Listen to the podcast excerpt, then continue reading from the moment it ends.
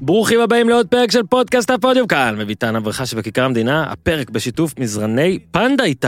החברים שלנו שיעזרו לנו לישון טוב יותר. איתי אתה באמת נראה קצת כמו פנדה לאחרונה. פר, אני עייף. מאוד. בטח עם הילדים, שני ילדים מתחת לגיל שלוש, קורונה, סגרים, הם מתנחלים לנו לפעמים במיטה, מעיפים אותי לספה, אני משינמוך, נו באמת. לא הבנתי עד כמה חשוב לא רק כמה שעות אתה ישן, אלא על מה אתה ישן. עכשיו, על פנדה שמעתם? אז נעים מאוד. מותג האונליין הגדול בישראל למוצרי שינה. הם הגיעו לכאן אחרי שנים של ניסיון בשוק האמריקאי כדי להפגיש בין שינה וטכנולוגיה ולהאיר את עולם השינה הישראלי. אז במקום להתרוצץ בין חנויות ולנסות מזרן לאיזה חמש דקות, בפנדה מזמינים אונליין ומקבלים עד הדלת, תוך כמה ימים, את מוצרי השינה המובילים בשוק במחיר מדהים, ומנסים אותם בבית לפני שמחליטים. תקשיבו, אני מת על הדבר הזה. כי לפעמים, אתה יודע, אתה צריך כזה קצת, אתה מתלבט, לקחת את זה, לא לקחת, זאת החלטה גורלית, אז הנה, פנדה אומרים ככה. אתם יכולים להיות על ה... יש לכם על המזרן 100 לילות ניסיון. בלי ניילונים, בלי אותיות קטנות, 12 שנות אחריות, משלוח והחזרות חינם ושירות לקוחות לא מהעולם הזה. לא אהבתם נגיד, לא היה נוח, אתם מקבלים את כל הכסף חזרה. בלי כזה עכשיו שטויות של אם לא היה נוח, כל הכסף חזרה. פשוט וקל. יחד עם המומחים המובילים בעולם, פיתחו אמצעים טכנולוגיים מתקדמים בדיוק את המזרן המתאים לקהל ולאקלים הישראלי. השתמשו באותה טכנולוגיה כדי לייצר גם כריות, עוברים אפילו מיטה לכלב. חברת המזרנים היחידה בישראל, תו התקן האמריקאי, סרטיפור US, שמבטיח שכל החומרים במוצרים שלהם אינם מכילים או פולטים חומרים רעילים. עכשיו תקשיבו טוב, אוקיי? בפנדה משלמים שליש ממה שתשלמו בחנויות על מזרן כזה איכותי, תבדקו. למה? כי הם חוסכים עלויות של שכירות, עמלות לאנשי מכירות וכל מה שנלווה להחזקה של חנות. תראו הופעה, במקום לבזבז חמש שעות בין חנויות, הם מגיעים עד אליכם, עד חמישה ימי עסקים. פתח הדלת, זה גם קטן, מתקפל כזה, אוח, טוב, סקסי, לא צריך לשבור את המנופים. פתח הדלת נותנים לכם 100 לילות לישון על זה כמו שצריך. שוב, לא התחברתם, יחזירו לכם את הכסף.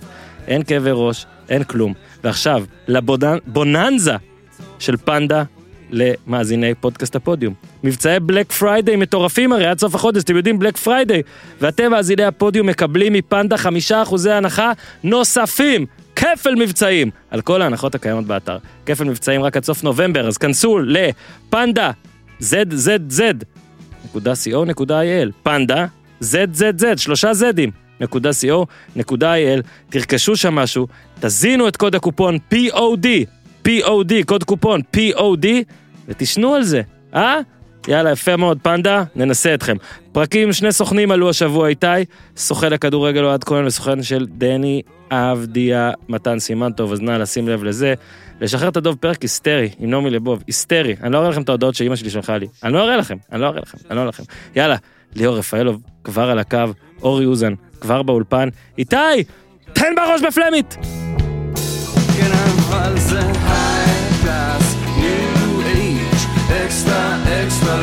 מה ספיישל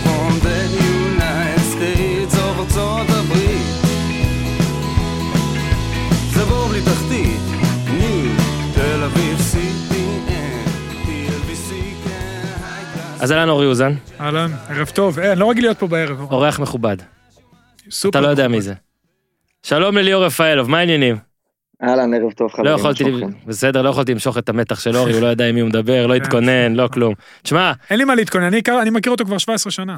כמה זמן אנשים חיכו שנעשה משהו עם ליאור רפאלוב. עכשיו, אה, מר רפאלוב, אה, לדעתי אנחנו אף פעם לא עשינו שום דבר תקשורתי. כשראיינו אותך במקומות שעבדתי בהם זה לא הייתי אני. כתבתי עליך דברים, אבל אף פעם לא היה, אז אני שמח שסוף סוף יש. אני רוצה לפתוח בהתנצלות, בסדר? אה, התנצלות על זה שאף פעם לא עשינו שום דבר. גם, אבל גם על זה שעכשיו הייתי חודש וחצי בהולנד, אוקיי? נסעתי אוקיי. לאיינדובן לעשות אה, פודקאסט עם זהבי, ולאמסטלפיין, ולאוטרכט לעשות עם אה, הסקאוט קובי מיכאלי. ובהתחלה הפחיד אותי, אבא של אשתי, אשתי הולנדית, אבא של אשתי הפחיד אותי, אתה לא יכול לנסוע לבלגיה, כי לא ייתנו לך לעבור את הגבול בגלל הקורונה. וקניתי את זה, והאמנתי לזה. ובסוף עברנו אחרי... שכשטסנו חזרה לארץ, טסנו, עשינו עצירה ביוון, אשתי מצאה דיל וזה דרך אה, אה, טיסה, דרך בלגיה. אה, בריסל? לא זוכר איפה. לא, לא, לא זוכר איפה. בקיצור, אני עובר את הגבול, אנטוורפן שם. יכלתי להגיע אליך בשעה וחצי מאיפה שהייתי, חודש וחצי, הקלטתי כל כך הרבה פרקים ואיתך לא יצא, אז העונש שלי זה שעכשיו אני מקליט איתך מרחוק, אז פתחנו בהתנצלות, אוקיי? לא נורא, לא נורא שטויות. פעם הבאה, בהזדמנות הבאה. עכשיו נמשיך לזה שכמו שאני ככה משוויץ בקשרים ההולנדים תשמע, אתה ממש בלגי כבר. אתה, אה, כן. אתה בלגי לגמרי. אה, עשר שנים, זה חתיכת דרך. איך נגיד הילדים, נגיד, מה, מה, הם, מה הם מדברים? פלמית? הילדים הם מדברים פלמית, אה, מדהים. קצת אנגלית מה- מהעוזרת בבית, מהמם. ו- ועברית כמובן. שולטים בעברית, או שנגיד כשהם באים לפה וחברים כן, זה כן. פתאום מבטא כזה... לא, לא, לא, השפה הטובה ביותר שלהם היא עברית, אחר כך אה, פלמית ואנגלית. רגע, זה לא בית ספר יהודי? ועכשיו הם בבית ספר יהודי, כשהייתי בברוז' הם היו, בג... הם היו בגן בא- באותו זמן, אבל זה היה פלמי. עכשיו, אתה יודע, אני, כשהייתי עכשיו, אני כל פעם מוקסם יותר ויותר, אז מהשקט, והירוק, והמשטחים לרוץ, שלחתי לאורי, אורי הרניה, אני לא יודע אם אתה יודע, הוא נהיה גורו ריצה. הוא רץ בין 18 ל-20 קילומטר שלוש פעמים בשבוע, 17. הפסיכופת הזה, 17? 17 קילומטר? 17. אז אני, אתה יודע, עשיתי שמונה, תשע וזה, בירוק הכל, ואמרתי, תשמע, איזה כיף, אולי לגור פה וזה, ואז אמרתי, תשמע, אני מקנא באלה שגרים פה. עכשיו, הולנד, בלגיה זה די דומה, אורי, אתה אולי אה, פחות אה, זה, אבל אני אספר לך. אפילו אירחו יורו ביחד. תגיד, אה, אתה, אתה בכלל רואה את עצמך חוזר? איך זה הולך? מבחינה, עזוב עכשיו כדורגל, משפחה, חיים. אה, בגדול החיים לאחרי הכדורגל זה החשיבה שאשתי ככה לא תשמע. אה, תלוי הרבה מה נעשה כמובן בעתיד. אה, החשיבה היא כן לנסות וליצור משהו פה בבלגיה, אבל אם תשאל את אשתי זה כמובן ברגע שאתה מסיים אוטומטית לחזור לישראל אחרי כל כך הרבה שנים שהיא הקריבה עבורי ועבור הקריירה שלי פה. אה, מבחינתה זה לעבור, אני ככה עוד חצוי, ככה מה לעשות. בדרך, חשבתי זה יהיה ההפך, לא? היא פתחה שם עסק, הכל, לא? נכון, אבל אה, אפשר, לי- אתה יודע, אפשר להתנהל בעסק הזה גם אה, Mm. אונליין וגם לביקורים, אפשר לעשות את הקו ישראל-בלגיה, אין עם זה בעיה. עכשיו בוא, בוא נפנה, יש לנו שני נושאים לפנות מהדרך, כן? בוא נפנה את נושא הקורונה. מה הולך שם עכשיו? כשאני הייתי ב... כשאני הייתי זה היה מאוד חמור. כן, בלגיה התחילה לא טוב. בשיא. לא, גם זה חזר, זה... כן. עכשיו אנחנו, האמת שאותו סיטואציה כמו שישראל הייתה בגל הראשון, היה סגר, לאחר מכן הכל נפתח במכה אחת, אה, לא הייתה לזה שום אכיפה, היה תוהו ובוהו בוא נגיד, מהמם. הכל היה פתוח, אנשים יצאו אפילו למסיבות וכולי, ומספרים עלו עד ל-15 אלף אה, חולים ביום. אני לא אומר חולים, אני אומר נדבקים. נשאים. אה, כן, כן, כי רוב רובם בעצם יומיים שלושה ומרגישים טוב יותר. כן. אני רואה את זה גם על שחקני כדורגל, אה, אה, אתה יודע, לפעמים יש תוצ- תוצאות שהן חיוביים והם לא מבינים מאיפה זה מגיע, כי הם לא מרגישים שום דבר. היה לך בקבוצה אבל- שחקנים שנדבקו? כן, אה, אנחנו עושים בעצם אה, פעם, לפני, לפני כל משחק, אה, יומיים לפני כל, 48 שעות לפני משחק אנחנו עושים בדיקה, אה, לאחרונה היה לנו הרבה משחקים באינטנסיביות מאוד גדולה, אז היה לנו פעמיים שלוש בדיקות קוביד כל שבוע. אה, כולל אף, כולל אף, אני שואל כבר, אנחנו נהיים מומחים פה. PCR, זאת אומרת אה, גרון ואף, או רק גרון ברגוע, משטח גרון? לא, לא, רק האף, רק האף. רק האף, וואי, איזה, שמע, איזה נורא, אה? החלק העיקרי, החלק העיקרי, כן. עכשיו, יש, יש, אה, יש אה, מטפלות שבאות ועושות, אה, זה קצת יותר, בוא נגיד זה סביר, ויש כאלה שחופרות עמוק בפנים, מגיעים לך, מגיעים לך עד לעין, עד לעין, וזה לא נעים. עכשיו, בוא, ובמדינה זאת אומרת, אה, ילדים, גנים, איך עכשיו השגרה שלכם? עזוב את אה, הכדורגל רגע. אה, למזלנו, שאת ה... אני מסתכל על הילדים שלי, שעד כיתות ג' לא עצרו שום דבר, הם ממשיכים להיות במסגרות, שזה מאוד מאוד חשוב. וואו, כן. אה, אז כרגע את זה, את זה לא סגרו. אה, באופן כללי, יש רק סגר לילי מ-11 עד 5 בבוקר. אה, אתה מאוד חופשי לצאת מהבית, לעשות כל מה שאתה רוצה, אבל כל, ה- כל העסקים לפני עשרה ימים נסגרו עד לסוף החודש. מהמם. אז זו הולכת להיות, הולכת, הולכת להיות תקופה לא נעימה. כן, אתה יודע, פה זה גם מזל על מי שיש לו את האיך להתארגן עם הילדים, דברים לעשות, זה בכל מדינה אחרת. כי פה נגיד, בישראל, הכל היה סגור. אתה יודע, ואז אומרים נגיד באירופה הולך להיות סגר, נגיד אני הייתי ב- בהולנד כשאמרו שזה סגר, אבל הפארקים היו פתוחים, ה- בתי ספר היו פתוחים, זה אחרת. זאת אומרת, כל עוד יש לך, כן. באמת, בלי, כן, אנחנו אוהבים את הילדים שלנו, אבל כל עוד יש לך איפה לשים את הילדים, חשוב. ולהיות בשגרה שלך זה, זה הרבה יותר טוב. עכשיו תגיד, אה, עוד מעט נדבר קצת בלגיה ופה ושם, אם תוכל אה, דוח מצב, מתי הכי קרוב היית חזור, לחזור לארץ וזה לא קרה? אם היה משהו באמת כזה קונקרטי. אה, וואו, אה, לא היה משהו ממש ממש קונקרטי אף פעם. אני יודע שחוזה ביד, דודו כן קיבל דווקא ממכבי תל אביב, אה, אי שם, לפני שלוש שנים, אני חושב. שלוש ארבע שנים. שאני הייתי מאוד סקפטי לגביו מבחינת השחרור שלי מקלאב רוז', אני ידעתי שזו תהיה סיטואציה שהיא בכלל לא תתאפשר, במיוחד אחרי כל מה שקרה עם טל בן חיים שנה קודם לכן. שרף אותך. לא, לא עניין ששרף, אני התחלתי, זה היה לי, זה בדיוק תחילת התקופה עם איוון לקו שהגיע לברוז' והיה לנו מערכת יחסים לא הכי טובה, ובעצם לראשונה מצאתי את עצמי לא שחקן מפתח בקבוצה אחרי שש שנים.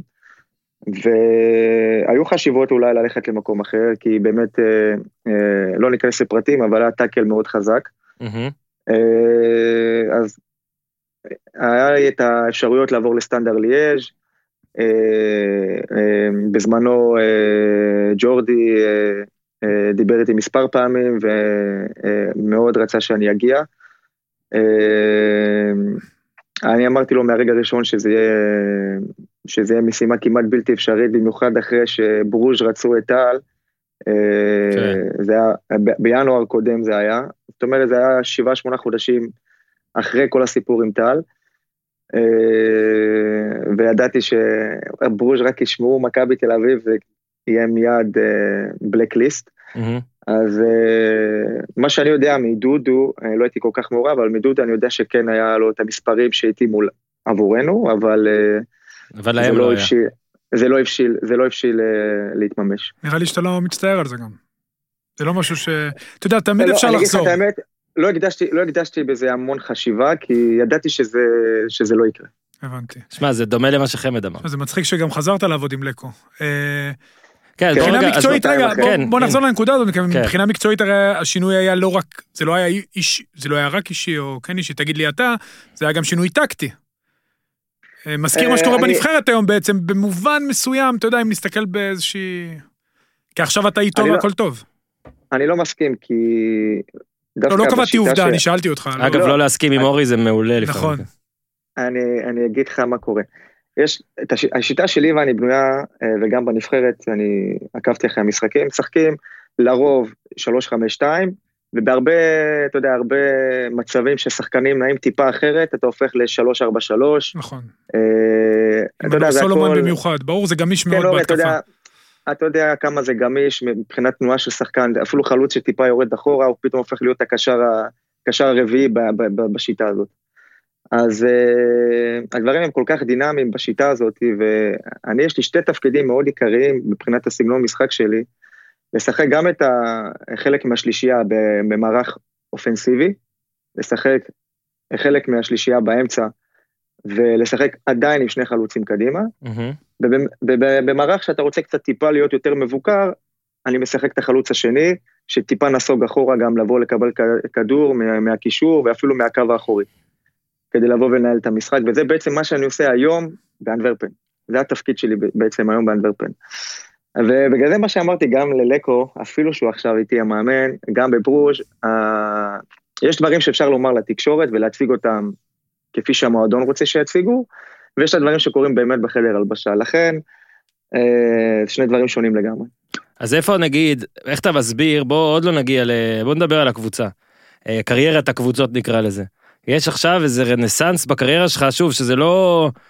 לא שהדעיכה הייתה איזה משהו מתמשך, אלא היו, לא יודע, אתה תתקן גם, שנתיים של מספרים פחות ממה שאתה רגיל, אבל תשמע, עכשיו זה חזר בגדול. לא, מה? זה גם צריך להגיד שזה מעבר, אתה יודע, יכל, ללכת לצומת דרכים היה כן. במעבר עם ברוז' לאנטוורפן, או דעיכה איטית, אתה יודע, ואז חזרה לארץ, יותר...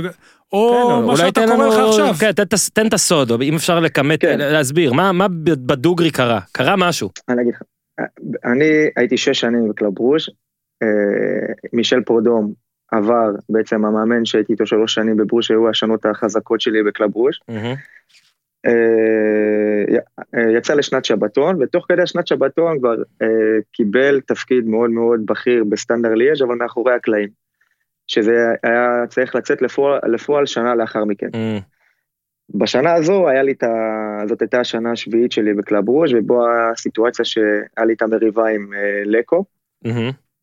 ובמהלך כל העונה הזאת, אני ומישל בפגישות, בטלפון, כבר אחרי אותה תקופה אפילו שהייתה הצעה ממכבי, אה, אפילו שהוא עדיין לא היה שם פיזית בסטנדר ליאז', היה לי כבר חוזה חתום איתם, שתבין כאילו באיזה רמה.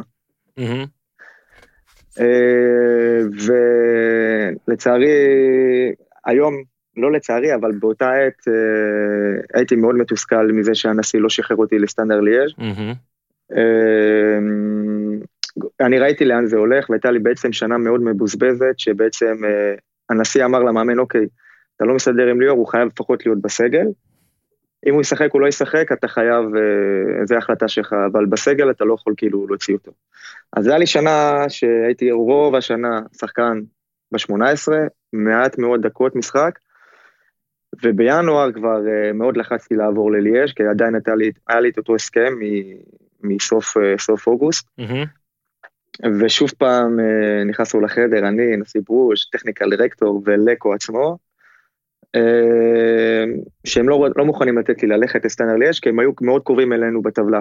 אנחנו במקום ראשון, הם היו במקום שלישי, הפרש של אולי 5-6 אה, נקודות. כן.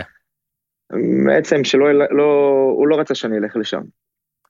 אה, מפה לשם היינו שיחה דווקא מאוד חיובית, ואז התחלתי כן לחזור לשחק, ובמשחקים המאוד חשובים של הפלייאוף, כבר התחלתי להיות, אמנם חיכיתי הרבה זמן, אבל כבר הפכתי להיות שחקן הרכב בקלאב ברוז' בעונת האליפות האחרונה. אה, טוב, הגיע סוף העונה, שוב פעם סטנדר ליאז' על הפרק, ואז גם אנטוורפן נכנסו לתמונה עם לוצ'יאנו ד'אונופריו, שנכנס כבעצם הבעלים של הקבוצה, לא יודע אם אתם מכירים אותו, הוא היה סוכן של זידן בעבר, איש מאוד, אה, בעל השפעה מאוד מאוד גדולה בכלל בכדורגל האירופאי ובבלגיה בפרט. אה, הגעתי אליו לפגישה יחד עם נשיא של אנדוורפן, סיפר לי בקצרה לאן פנים של המועדון מועדות, איזה שחקנים הוא הולך להביא, והוא מאוד רצה אותי בחלק מה, מהפרוסס הזה שנקרא רויאל אנדוורפן. אה, זו קבוצה שאני רק אה, להסביר לכם, הייתה שנה קודם לכן אה, בליגה שנייה בבלגיה. כן. אז זה היה מבחינתי כאילו, לעולם לא חשבתי שאני אבוא לשחק באנדוורפן, כאילו, אני בשבע שנים שלי בבלגיה בקושי שמעתי עליהם. וזהו, ואז שזה התחיל להתפרסם פה בבלגיה שיש אפשרות שאני עובר, התחלתי להרגיש את, ה, את העוצמה של המועדון מבחינת הקהל, מבחינת uh, ההתרגשות סביב זה, מבחינת המעבר שלי בתור אפילו יהודי, ישראלי, לעיר עצמה, אנטוורפן, שיש כן. לזה חש, חשיבות גדולה. אז אה, אני אומר לך, אחרי יומיים שלושה כבר קיבלתי החלטה שאני כן רוצה את זה, המספרים כן היו, הסתדרו, ובאמת לוצ'יאנו היה אה, כיבד בעצם את כל החוזה שלי מקלאב ברוז', אני יצאתי בשנה הראשונה לשנת השאלה. כי היה לי עוד חוזה בקלאב ברוז' באותה שנה. כן, ואז הייתה רכישה בסוף. כן, אחרי כמה חודשים כבר חתמנו לשנתיים וחצי, בעצם לשנתיים לאחר מכן. אה, זהו, זה היה בקצרה, ומאז, אתה יודע, אנדרפן הפכה להיות אה, אחד המועדונים החזקים בבלגיה. כן, עכשיו אתם ממש גם בתקופה, אתה יודע, גם אתה, גם הם, בוא תדבר. שער ניצחון על טוטנאם. כן, בוא... אז אני אומר, בוא רגע תסכם. זה רגע השיא אולי, לא? כן, תסכם, אתה יודע, תן לנו קצת, אתה נתת עכשיו, ואני רוצה גם אולי להתעכב איתך עוד מעט על זה, על אה, דברים שלפעמים אנשים לא יודעים שעוברים על בן אדם, על שחקן, מאחורי הקלעים, ולא, קל מאוד לפרש, לא הולך לו, כן הולך לו, לפעמים יש דברים שמשפיעים. בוא רגע כן עכשיו נעשה מקצועי, זאת אומרת, מה... מה כן עכשיו, היה איזה משהו שכן חזר, שפתאום איזה ניצוץ שכן נדלק, פתאום כמו שאולי אורי אה, חושב שזה עניין אה, מערך, או שלוש... דבר שאתה שינית, התבגר, מש... לא יודע. לא. מה... יש משהו שמאוד בולט, לפחות במשחקים שאני שידרתי, יש שילוב מאוד טוב עם אה, בוקני החלוץ, mm-hmm. לפחות זה נראה לי מבחוץ. אתה הולך כל הזמן לשטחים שהוא מפנה, הוא, יש לו נוכחות מאוד טובה. ובכלל, אתה נראה... אתה נראה מצוין. אני מבחינתי היה הכי חשוב לי במעבר שלי לאנטוורפן היה לי איזה סוג של אה, רצון להוכיח את עצמי מחדש אחרי כמעט שנה שמיעטתי לשחק. שתבין, זה היה דבר שאני לא, לא הייתי רגיל אליו, אומנם הייתי במועדון ענקי כקלאב ברוז', אבל תמיד היה לי השפעה מאוד מאוד רצינית במועדון. והשנה הזאת הייתה שנה מאוד קשה מנטלית, ולהישאר חזק ולהישאר בסגל כל, כל שבת. ללכת ולראות את החברים חוגגים, כי נתנו משחקים, הצגות, כל משחק אנחנו מנצחים 3-4-0 ואני לא שותף. אז איך חיים עם זה באמת ליאור? אתה יודע, אתה, גם בתחילת הקריירה, אם אתה זוכר, גם היית, אתה יודע, פתאום אחרי עשר שנים לחזור אחורה, יותר אפילו, אחרי שהיית כבר בטופ של הטופ, איך, איך, איך חיים באמת עם הדבר הזה? זהו, זה לא קל, כי אפילו, אפילו הדינמיקה בחדר הלבשה, אתה יודע, בתור כוכב של קבוצה, אתה יודע, שחקנים אפילו, שחקנים צעירים שמגיעים, הם מתרגשים אפילו לדבר איתך, או מתביישים אפילו לדבר איתך. ופתאום להיות במצב של להפוך לכוכב ולהפוך לשחקן שהוא, בוא נגיד, אה, לא כל כך סופרים אותו, וזה, וזה אותו חדר הלבשה בעצם, זה לא שהגיעו שחקנים חדשים ו, ו, והמעמד שלך פתאום ירד, זה בעצם, שתבין, זה, זה, אותו, זה אותו חדר הלבשה, אולי שחקן שניים חדשים הגיעו באותה השנה. אז אה, זה היה מאוד מאוד קשה, היה מאוד קל, הייתי חוזר הביתה לא מעט, אה, ככה עובד עם עצמי, לא להישבר, להמשיך לעבוד, הרבה, הרבה אימונים אישיים, הרבה, אה, אתה יודע, היום של אחרי המשחק זה יום מאוד מאוד קשה, מי כמוך יודע, אורי, שהחבר'ה עושים שחרור ואתה עושה אימון כושר כדי להדביק את הקצב איתם. אימון מאוד מתסכל, ועדיין לנסות למש... לשמור על אנרגיות חיוביות, אה, להוות דוגמה, כי זה מה שהנשיא של ברוש תמיד אה, ציפה ממני ותמיד אה, אהב אצלי. היה, היה ליאור, היה איזה יום שפל, יום נורא במיוחד, יום שכאילו, היו, היו אתה אומר לי, כמעט נשברת, היה יום שאין, לא בא לאימון.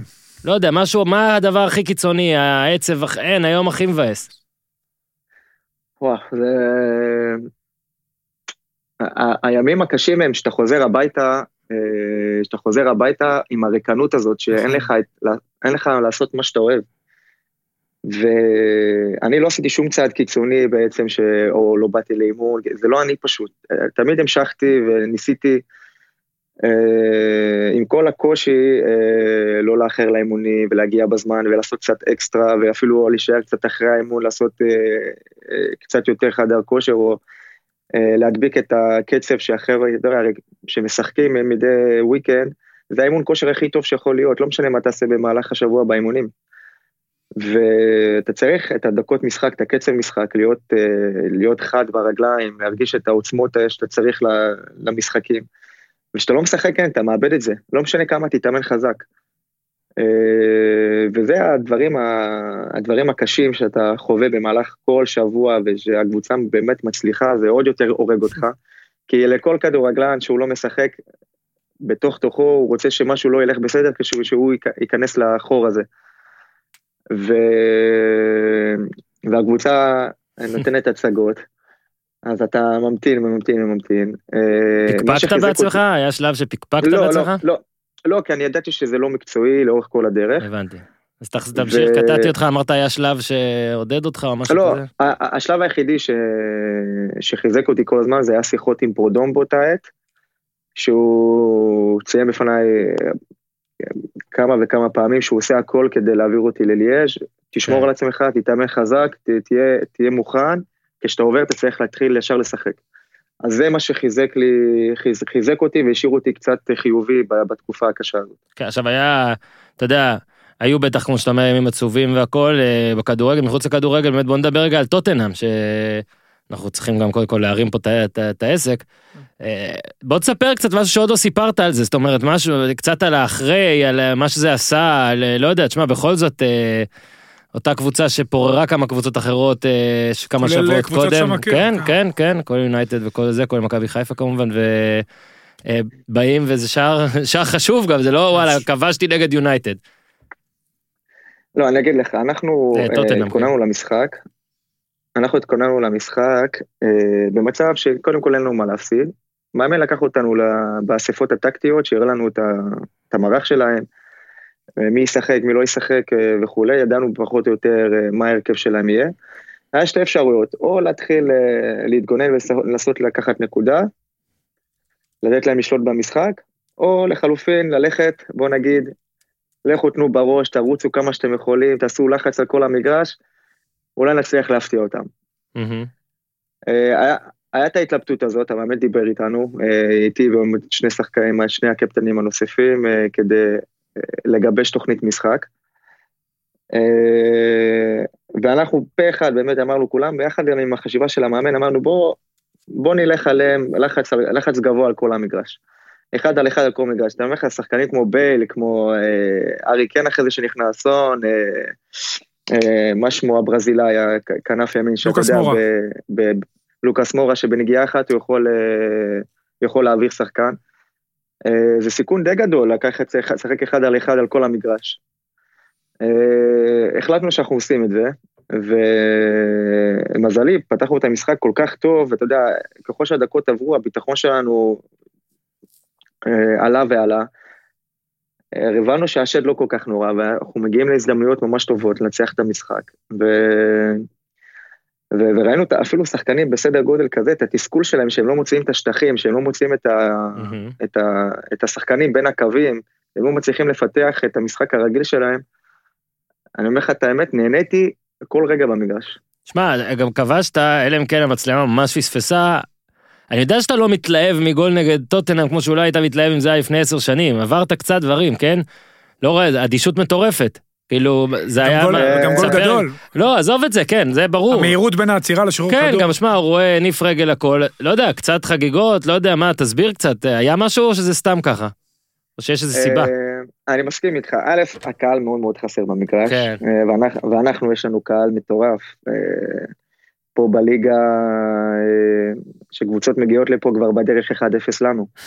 אה, האצטדיון שלנו הוא אצטדיון, אה, אני חושב שעם האווירה הכי, הכי מטורפת שיש בבלגיה, ויש לנו גם את אחד הקהלים המשוגעים בבלגיה באופן כללי. אז זהו, לא אין קהל, אז אמרת... לא אז אין קהל, מה גם שאתה משחק נגד טוטנאם, אתה יודע שאתה 1-0 בשלב מוקדם, יכול להיות mm. שהמשחק ייגמר פתאום אה, בתבוסה גם יכול להיגמר. אתה אומר, פחדת שהדלקת אותם סתם. אז אתה אומר, אתה לוקח את הכל כזה, אתה יודע, הוא לא אוהב לצלם סרטון אה, ארי קיין. אתה אומר קצת הכל יותר צנוע, כי אתה יודע, זו קבוצה שיכולה במהלך אחד לשנות משחק. בוא נחכה עם החגיגה. זה היה ככה התגובה הראשונית שלי. עכשיו, כאילו, משהו אחרי המשחק שהיה שונה ממשהו אחר, בכל זאת זה כאילו גול טיפה יותר מתוקשר מאחרים? אה, אני אומר לך, המחמאות הכי גדולות זה שהצוות המקצועי אחרי המשחק של טוטנאם, אה, שאנחנו לוחצים ידיים, שבאו ללחוץ ידיים לשופט, אה, שנתנו לי מילים טובות, כמו משפטים של great game, great top match, you play well, you know, stuff like that.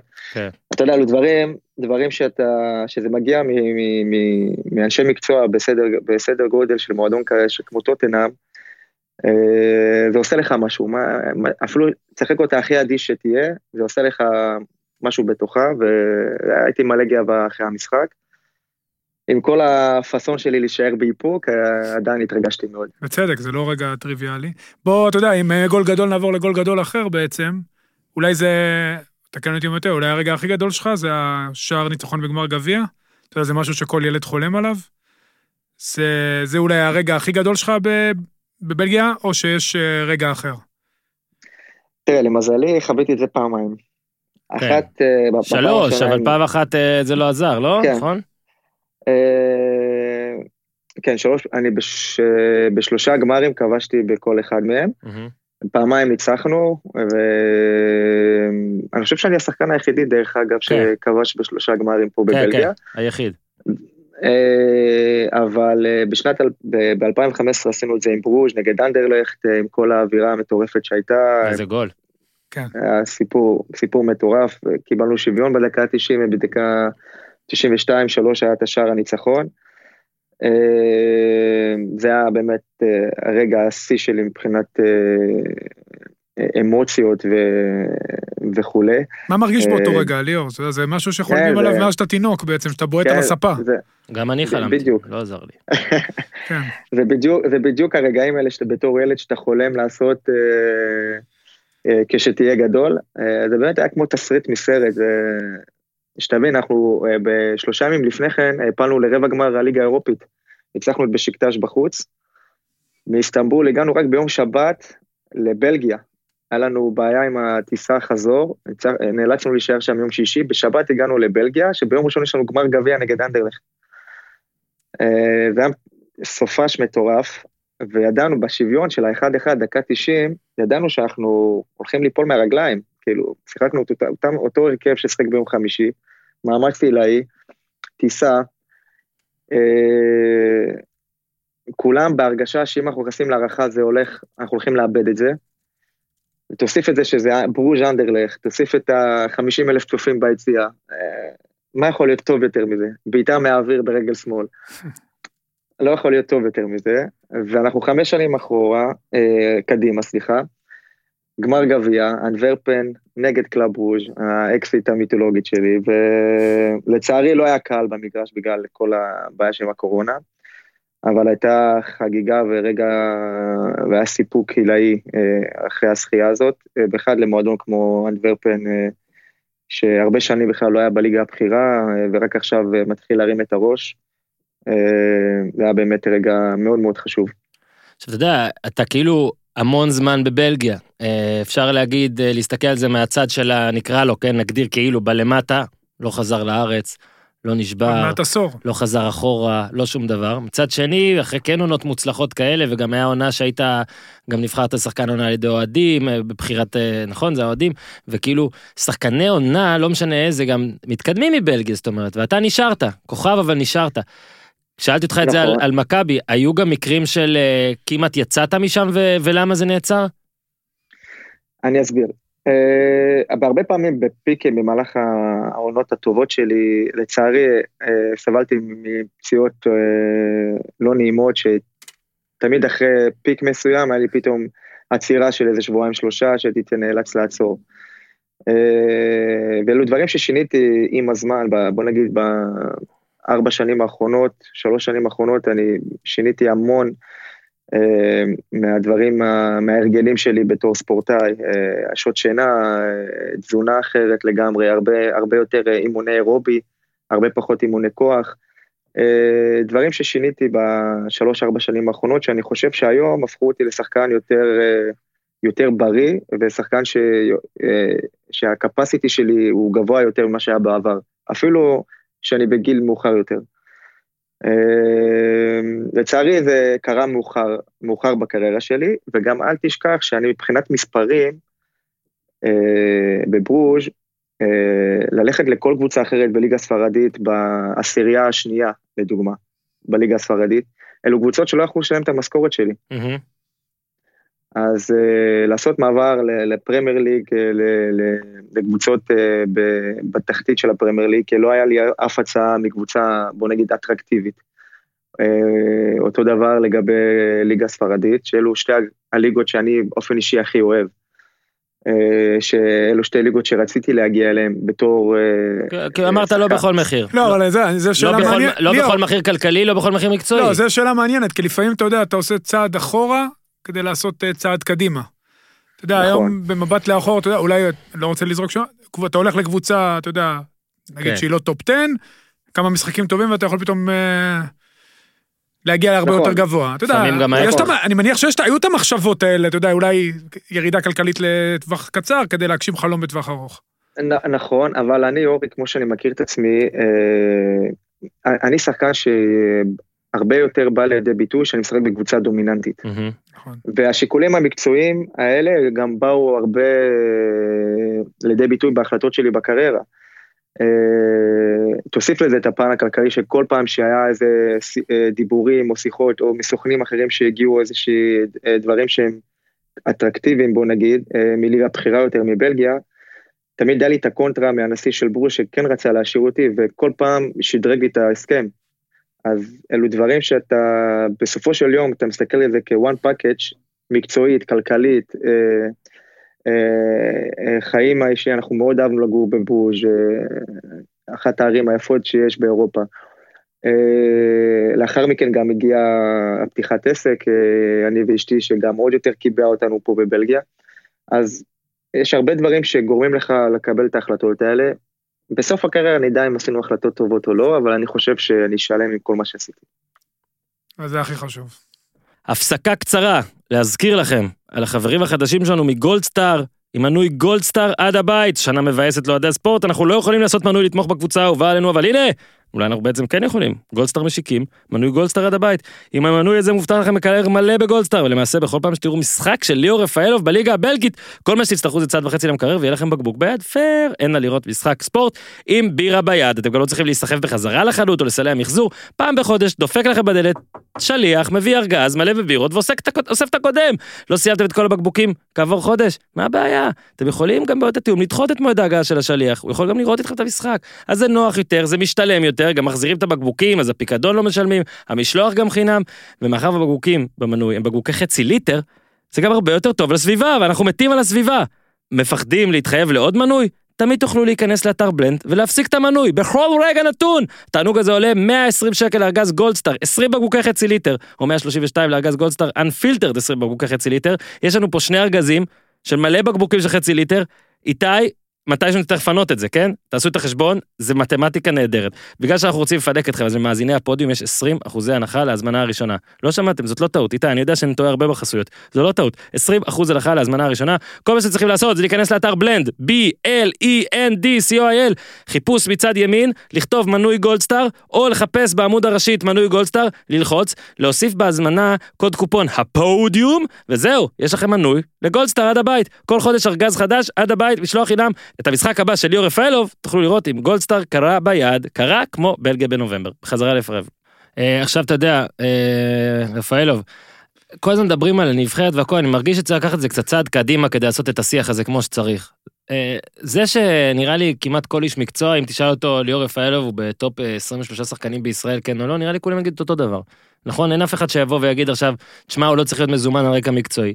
ההסבר של המאמן הנוכחי הוא, ועליו אני רוצה שנעשה את הדיון הזה, הוא שאתה, אם אני מבין נכון, overqualified מבחינתו ללא לפתוח. עזוב, זה לא... אני אומר מה הוא אמר, חכה. זה מה הוא אמר. כאילו אתה, את, הוא לא אחד שאתה רוצה על הספסל, והוא לא, הוא, הוא לא חושב שאתה צריך נגיד כרגע לפתוח. עכשיו אני רק אוסיף דבר אחד שכבר הוספתי פה כמה פעמים, פעם דיברתי על זה עיתונאים ארגנטינאים במונדיאל של 2014, ואז תמיד שאלו למה לא טבס, למה לא זה, למה לא... הרי מלא מוכשרים לא זומנו.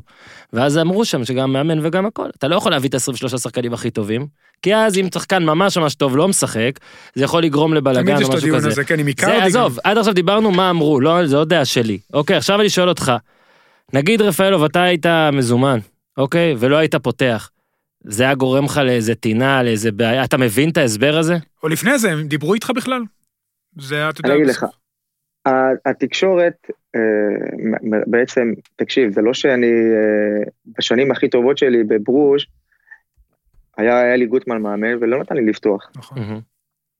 אה, והייתי בשיא שלי בקריירה, מדבר איתך מבחינת שהייתי, הייתי עושה מה אני רוצה בברוז', שתבין באיזה רמה. ו... ואלי החליט את, את גילי ורמוט על פניי. מה, הלכתי ו... ואמרתי משהו, עשיתי כתבה לו לעניין, או mm-hmm. ש... לא אהבתי את זה, אבל פה, פה זה התחיל ופה זה נגמר, זה הכל. כל שחקן, במיוחד כשאתה עושה קריירה יפה מאוד ב... בליגה שהיא, שהיא חזקה מאוד, יש לך את הצורך הזה, יש לך את השאיפה הזאתי. אה, אנחנו בתור ילדים חלמנו לשחק בנבחרת ישראל ולייצג את המדינה, אלו, הדבר היחידי שאני מבחינת הקריירה המקצועית שלי, הדבר היחידי שמאוד חסר לי זה ההפלה עם נבחרת ישראל לטורניר גדול, כי זה היה באמת אחת המטרות שסימנתי לעצמי. אפילו שלא הייתי בהרבה מאוד uh, הופעות, שאני שיחקתי בנבחרת, לא הייתי ככינור ראשון. Uh, אבל תמיד היה את הרצון הזה כן לעשות, לעשות ולהגיע לטורניר כזה, כי באמת, הרבה פעמים היינו קרובים, אבל לא באמת, לא באמת שם בכלל אפילו. כן. ו... מרגע שהגיעו האוסטרים, נדבר אה, איתך מבחינת התקשורת, התקשורת היא אפסית, לא היה שום תקשורת, אז אה, להיות ניזון מכתב כזה או אחר, או מדעה של מישהו אה, שקשור איכשהו, מסובבים, אתה יודע, נו, עזוב את החרטות האלו, מה אנחנו ילדים קטנים? אתה רוצה לדעת א', ב', ג', תעשה טלפון, דבר איתי ישירות. אתה לא חשבת עליו לעשות את זה? לא, אני צריך... הסוכן, אתה, אתה יודע. הוא לא צריך לא, לעשות את זה. אני יודע שהוא לא, לא צריך, אבל יש אנשים שהיו אולי עושים. זה לא עוזר גם. לא, לא, לא, לא. אני לא במקום הזה, ואני גם לא חושב שאני צריך לעשות את זה, ואני אגיד לך גם יותר מזה. בתקופה האחרונה שהתחיל כל התקופה של ה... סליחה, אני, אני אמשיך מזה שהיחידי שהגיע זה היה אה, אנדי, אה, בתחילת, בתחילת 19, בתחילת השנה, שבא ואמר לי, שמע ליאור, הוא הסביר לי קצת מה קרה מבחינת הקמפיין, למה הוא לא זימן אותי. Uh, הוא הסביר לי טוב מאוד שהוא רצה לשחק עם שני חלוצים שהם תשע, לא עם חלוץ, אחד ניסוג, הוא יודע שאני יודע לעשות את זה, ובגלל שאנחנו נבחרת ישראל, השלישיית קישור באמצע, היה לי לעשות או להעביר את מנור לשחק שחקן קו, mm-hmm. או לשחק עם שני שחקנים אחוריים ומנור. הוא אמר לי, לכן אני לא רציתי uh, להביא אותך למצב שאתה לא משחק או לא חלוץ ולא קשר, וזה, וקיבלתי את זה, בהבנה. והוא אמר לי, עכשיו המשחק נגד סקוטלנד, משחק מאוד חשוב, היה אמור, היה אמור להיות במרץ, הגיע אליי, אמר לי, לא משנה מה יהיה, אה, לא משנה מה יהיה, אתה תשחק או את החלוץ השני, או את הקשר השלישי, תלוי איך יתפתח המשחק. שאלו אמרתי לך, בגדול, אלו התפקידים שלי, מה שאני עושה פה באנטוורפן. אלו העמדות שלי במגרש. והוא הגיע פה לאנטוורפן, הייתה לנו שיחה מאוד חיובית, במהלך כמעט שעתיים ישבנו, שתינו קפה, היה מאוד נחמד, ואני חושב שככה הדברים צריכים להתנהל.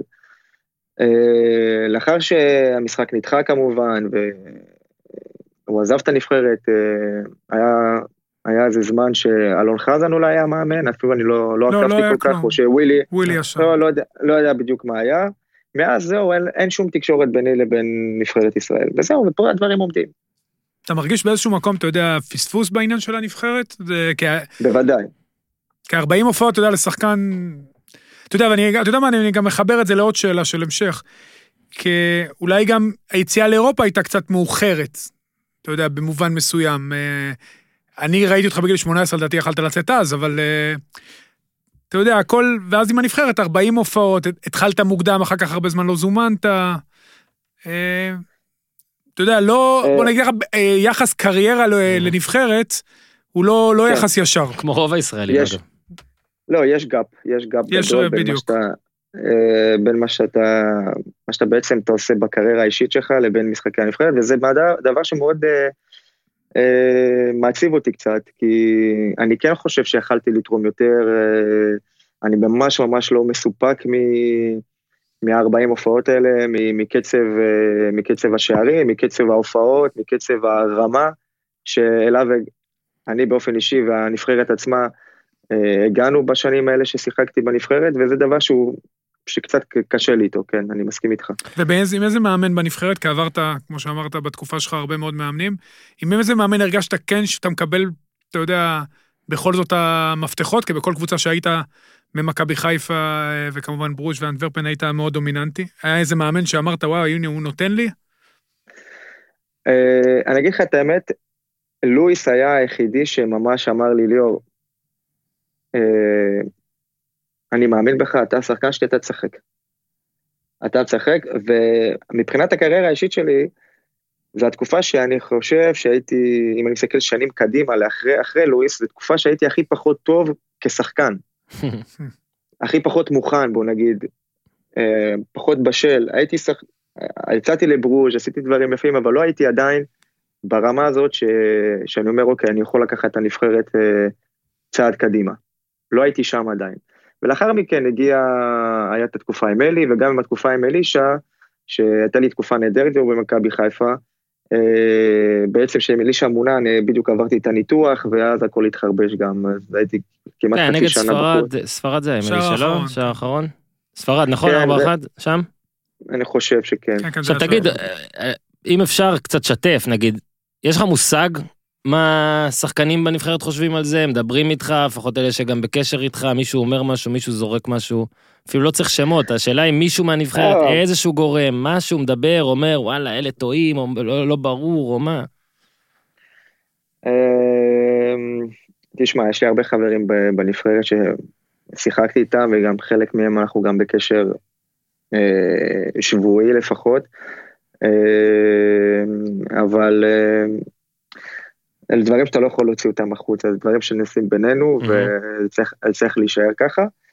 אה, באופן כללי, אני, תראה, זה לא שיש לנו עכשיו שחקן שנותר בחוץ, כולל אותי, שהוא הרבה, מעל, הרבה מעל ברמה שלו ממה שיש בנבחרת כיום, וצריך להיות, תשים את הדברים על השולחן. אם, אה, אם זהבי ישחק איתי למעלה, או דבור ושון ישחקו למעלה, אתה לא תראה עכשיו אה, המון המון המון הבדלים. יכול להיות שאולי בפעולה אחת, שתיים, דברים יכולים להשתנות, אבל uh, אין איזה שחקן בנבחרת שאתה אומר, אולי חוץ ממה שעכשיו ערן עשה בקמפיין האחרון שזה מטורף. אין איזה שחקן שאתה אומר, אם הוא לא משחק, החצי נבחרת הלכה.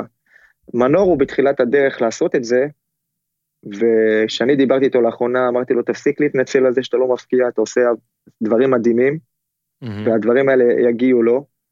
הוא באמת שחקן שאני באופן אישי, שחקן ישראלי, הרבה מאוד שנים לא ראיתי, אה, מה שהוא עושה, העוצמות שהוא מפגין בדריבל שלו, איך הוא שם את הגוף נכון, במשחק ההגנה שלו, המשמעת הטקטית שלו, דברים שאתה, שרק שחקנים שעוברים את זה ביום-יום, יודעים להעריך את מה שהוא עושה היום, וזה מדהים לראות.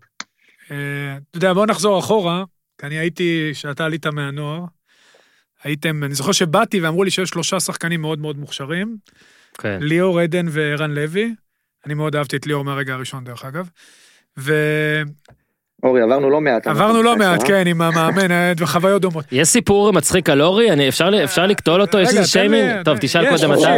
ליאור, בינתיים, תחשוב על משהו, כי אנחנו צריכים, נוח לו מדי. אתה יודע, מעניין אותי, לא, לא. אני זוכר סיפרת לי, אתה יודע, כן, עם רוני, אתה יודע, עם רוני בהתחלה, לפחות בתקופה שאני הייתי, זה היה לא, היה לא קל. אתה יודע, זה גם חלק מהעניין עם הישראלים שמתחילים מאוחר, חבל. כן. זה היה לא קל. לא, הייתה אז ביקורת על צעירים, שילוב צעירים. כן, כל הדברים. ואחר כך כשהגיע אלישע, אתה, אני זוכר שסיפרת לי שהוא פתאום בא לחדר ודיבר איתך, לא הבנת מה קורה.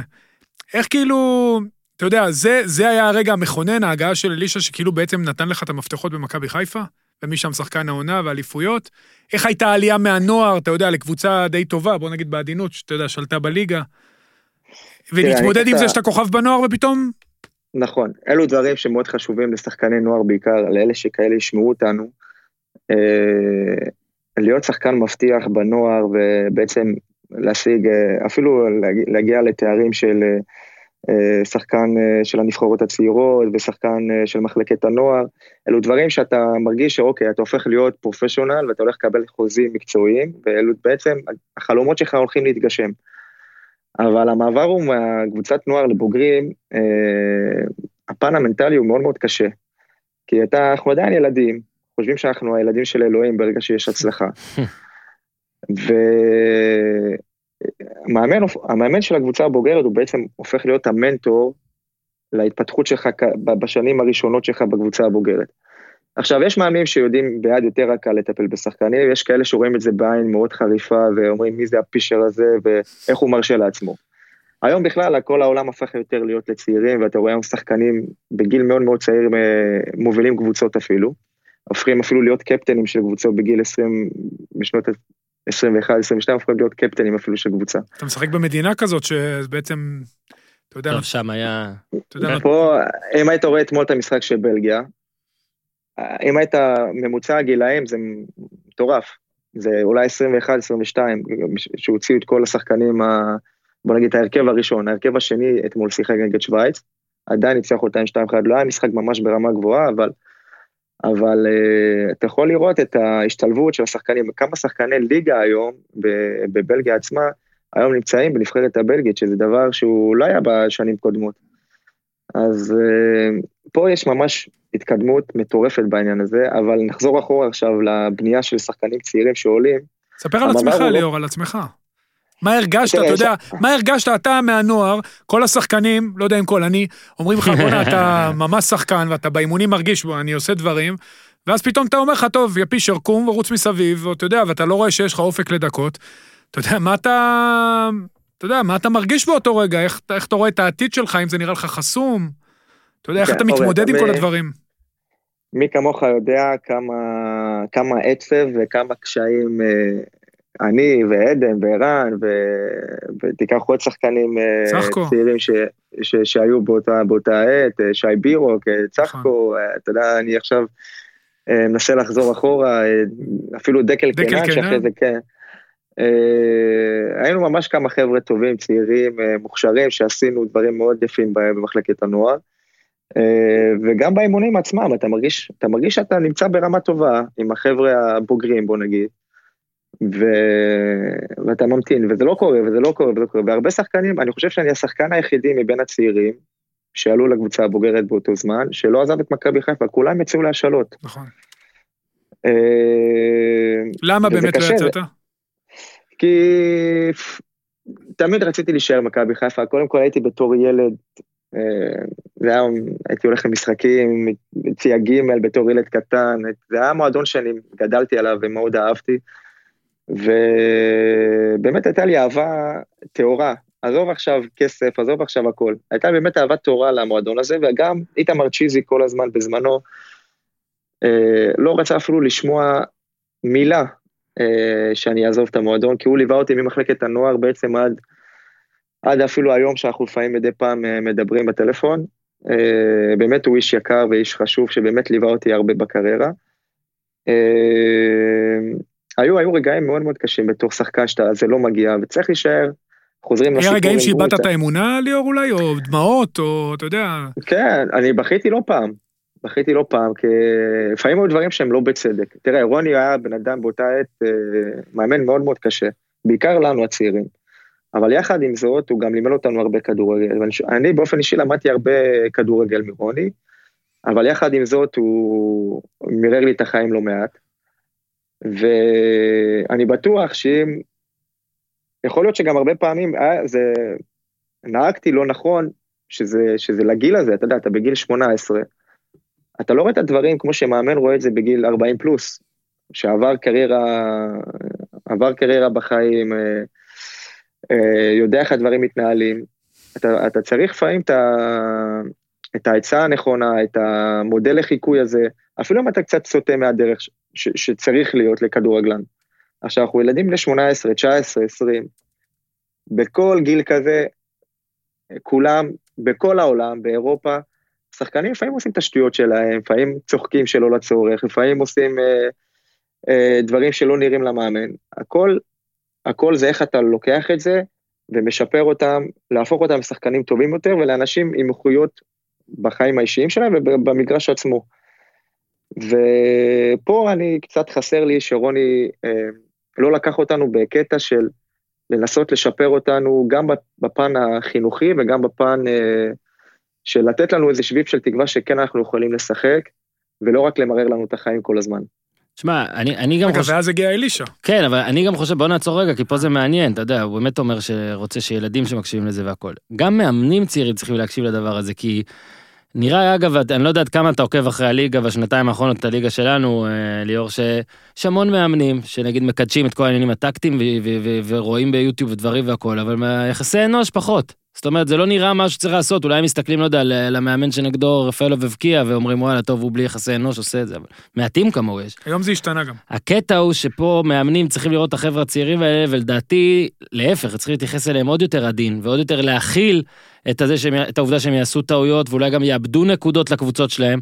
אבל לפעמים פה הלחץ כל כך גדול כל הזמן, שאתה אומר, טוב, מה, הילד הזה, הוא יהיה כוכב, אבל שישתפשף עליי, אני בינתיים מפוטר או משהו.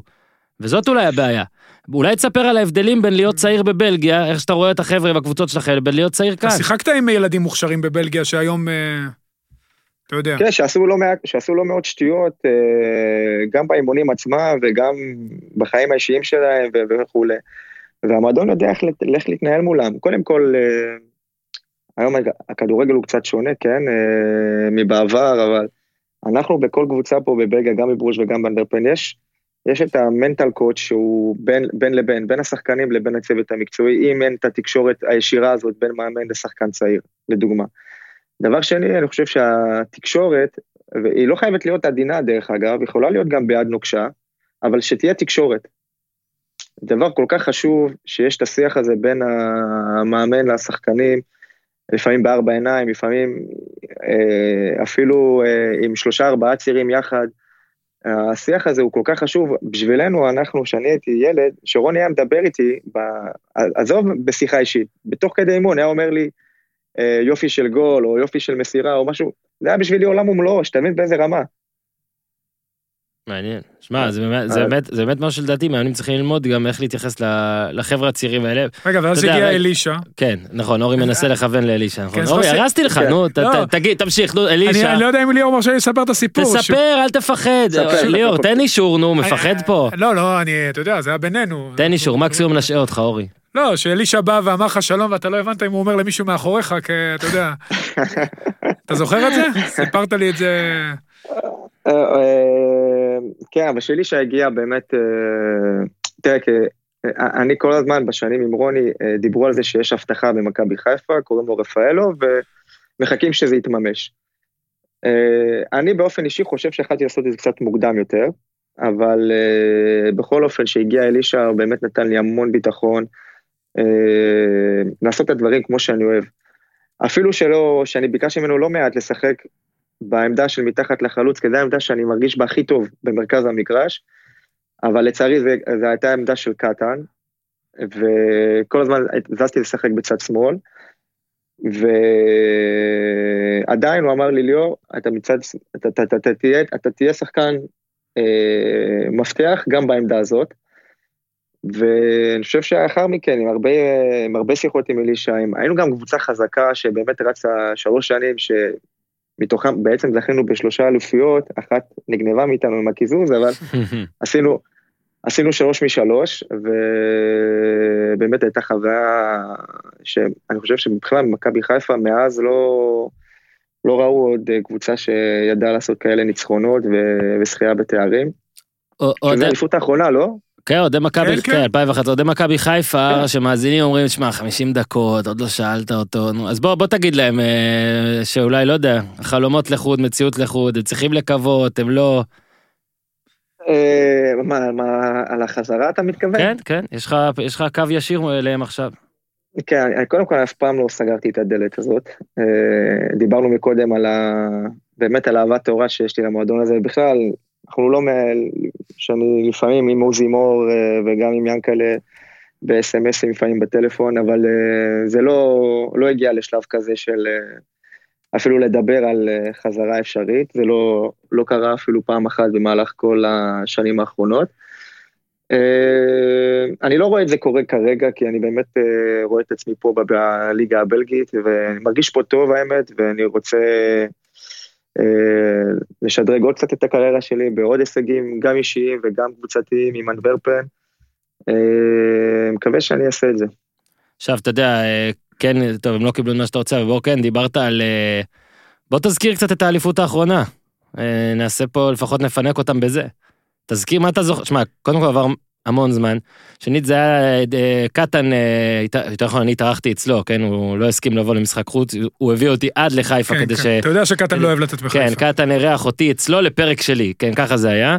אז הוא, הוא סיפר על, אתה יודע, על שתי העונות המטורפות האלה, זה באמת, אגב, זה, זה שלוש עונות לעשות עליהן סרט, זה כן, אגב, אם מישהו עושה לו לגנוב את הרעיון, אבל תספר רגע קצת כן על הריקנות הזאת של המשחק הזה נגד בני יהודה והמהפך, אתה יודע, יצאתם במין fuck you mode לשנה השנייה, לשנה 2011, כאילו. אה. בשנה השלישית. כן. אחרי הקיזוז. כן, בדיוק, איך באמת אתה גם... היה גם קיזוז, כן, צריך להזכיר. בדיוק, אתה כשחקן כל כך, אתה יודע, היית אחד הדומיננטים באותה עונה, לאבד אליפות, איך אתה יודע, אתה יוצא לעונה השנייה ובכל זאת... מתקן. היה, וואו, העונת קיזוז זה ש... אני, אני כבר לא מאשים את הקיזוז, אני מאשים את עצמנו, כי הגענו למצב שאנחנו במשחק אליפות, נגד בני יהודה שאין להם מה לשחק. אה, כל בלומפילד היה ירוק, בכלל במלון, היה יום חג. אנחנו במנוחת צהריים, אה, איילון שם, היה תפוצת אוהדים עד למלון, אה, היו, עצרו מכוניות של מכבי חיפה. ושרים לנו את השירים של כל השחקנים, וממש היה יום חג, כאילו אווירה של הולכים, הולכים לעשות מסיבה היום בלילה, mm-hmm. סוג של יום עצמאות כזה, ואתה מתחיל את המשחק, אתה בראש יודע שאתה הולך לעשות את זה, כאילו אין, אין אפשרות כן. אחרת בכלל. וזה היה היום היום הולדת, ואני חושב שגם זה היה היום הולדת שלי, אם אני לא טועה, אני חושב שזה... אם נולדת ב-15 במאי זה היה יום הולדת שלך, לא, לא, לא, לא, לא, לא, זה לא היה זה, לא, זה היה משחק אחר, לא, זה היה משחק אחר. כן. אוקיי, זה היה... אה, אתה 26 אפריל, 26 אפריל, כן, נראה לי כן, זה היה משחק אחר, כן. נראה לי זה היה, אולי זה היה לאללה בקריית אליעזר 26 אפריל, משהו כזה. תמחק, תמחק, תמחק, תמחק מה שאמרתי. לא, הכל בסדר, יגידו לך מולדת פעמיים מעכשיו, הרווחת. כן, לא, עכשיו האוהדים של חיפה יכעסו לה שאני בכלל לא זוכר את ה-15 חמישי, אתה מבין? להפך, לא, להפך, אתה עכשיו יצאת טוב, אתה מבין? לא, עכשיו אומרים, תשמע, כי יש לי שאלת המשך. אני אשאל אותה עכשיו, אני אשאל אותה עכשיו. כמה כסף צריך אה, לשלם לך, כמה כסף צריך לשלם לך כדי שאתה עכשיו תשב על הספה בבית, איפה שאתה עכשיו, ונקרין את המשחק המלא מ-15 במאי, אחת אחת נגד בני יהודה, כמה כסף אנחנו צריכים לשלם לך כדי שתראה את כל המשחק? וואו, זה יהיה כואב, ממש כואב, כואב, כואב. אתה ראית אותו בכלל מאז? אין סיכוי. זה כואב בבטן, לא, לא ראיתי אותו אפילו פעם אחת. אולי ניצחתם, לך תדע. לא, זה היה קשה, קשה, באמת. אז בוא רגע, קח אותנו, כן, קח אותנו באמת... להתאוששות. כן. איך יוצאים מזה? אה, יצאנו לפגרה לאחר מכן, אה, עם כל האכזבה של זה, אתה יודע, שחקני הכדורגל, אה, לטובתנו, למזלנו, תמיד יש את המשחק הבא שאתה מרוכז בו. אפילו שאתה בפיק שלך ואפילו שאתה באכזבה, תמיד יש את המשחק לאחר מכן כדי לתקן או כדי לעשות דברים חדשים. אז באמת לעונה לאחר מכן הגענו מאוד מאוד דרוכים. אני חושב שבאמת מהרגע הראשון היינו הקבוצה הטובה ביותר בישראל. אה, שיחקנו גם כדורגל טוב וגם עם תוצאות טובות, אה, והגיעה השחייה עם האליפות עם הדובדבן שבקצפת של אה, שחיית שחקן השנה בישראל, שזה הדבר שבאמת היה לי אחת המטרות הגדולות שלי בשנים האלה. וזהו, ולאחר מכן שאתה כבר מסופק והשגת הכל בישראל, זה היה הרגע לצאת, לצאת לחו"ל. היה לך הזדמנויות לפני זה לצאת? שכאילו דחית, אמרת, רגע, אולי בגלל, בגלל הקיזוז הזה אני רוצה עוד שנה לא, לתקן? לא, לא משהו קונקרטי שהיה, שהבשיל ממש כדי לצאת, אבל לאחר, לאחר, לאחר העונה שזכינו, לאחר העונה הזאת, אפילו שיאנקל מספר, במספר פגישות איתו אמר לי שאין מצב שהוא ייתן לי לעזוב, ידעתי שאני כבר לא, שאני לא אשאר במכבי חיפה. היו לך כמה אפשרויות לצאת, או שזו הייתה הצעה היחידה? ואמרת... אה, כן, עם דודו, אתה יודע, תמיד מכין אה, שתיים, שלוש אפשרויות, אבל הרצון של קלאב ברוז' ועוד פעם אני חוזר, מי זה, דרק רנסון היה הסקאוט? דרק רנסון? איך זה? זה משהו כזה. לא, הגיע סוון ורמנט, שהוא היה באותה עת המנהל המקצועי של אה, קלאב ברוז' ועשה קריירה גדולה גם בבונדסליגה וגם אממ. בליגה הבלגית. אה, הוא הגיע לישראל, אה, שיחה איתו הייתה מאוד מאוד טובה. לאחר מכן יצאתי לחופשה קצרה בברצלונה עם אשתי, ובמלון הפתיע אותי נשיא של קלאב ברוז', ה general manager של קלאב ברוז', ממש בלובי של המלון. אמבוש. אה, אה, ממש אה, להחתים אותי לשם, בלי אפילו שיש הסכם עם מכבי חיפה. וואלה. אז ינקלה בהתחלה אמר לי שבמיליון וחצי יורו הוא ייתן לי ללכת. זה מה שהסברתי בעצם לברט, הנשיא המועדון של, של ברוז', והוא אמר לי אל תדאג, יהיה בסדר, בוא אנחנו נסגור אנחנו את המספרים שלנו. אחרי כמעט שלוש שעות של פגישה במלון בברצלונה, הגענו לסיכום. אה, וזהו, שבוע לאחר מכן אה, התקשרתי לסבן ורמט, המנהל מקצועי, אמרתי לו שנשיא המועדון של מכבי חיפה גם במיליון וחצי הוא מוכן לתת לי ללכת.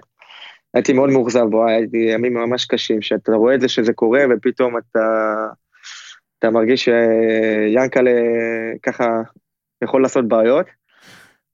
אה, הוא אמר לי, אל תדאג, אנחנו נסדר את זה, מתקשר אליי אחרי כמה שעות, אומר לי, אה, מחרתיים, אה, אנחנו באים כולם לפגישה עם הנשיא של מכבי חיפה. הייתי בהלם שזה קורה, לקחו מטוס פרטי של הנשיא, אחרי יומיים הם באו וסיכמו על אה, שניים וחצי מיליון, על 70 אחוז מהכרטיס, שזה היה באותה, באותו זמן, זה היה מספרים משוגעים.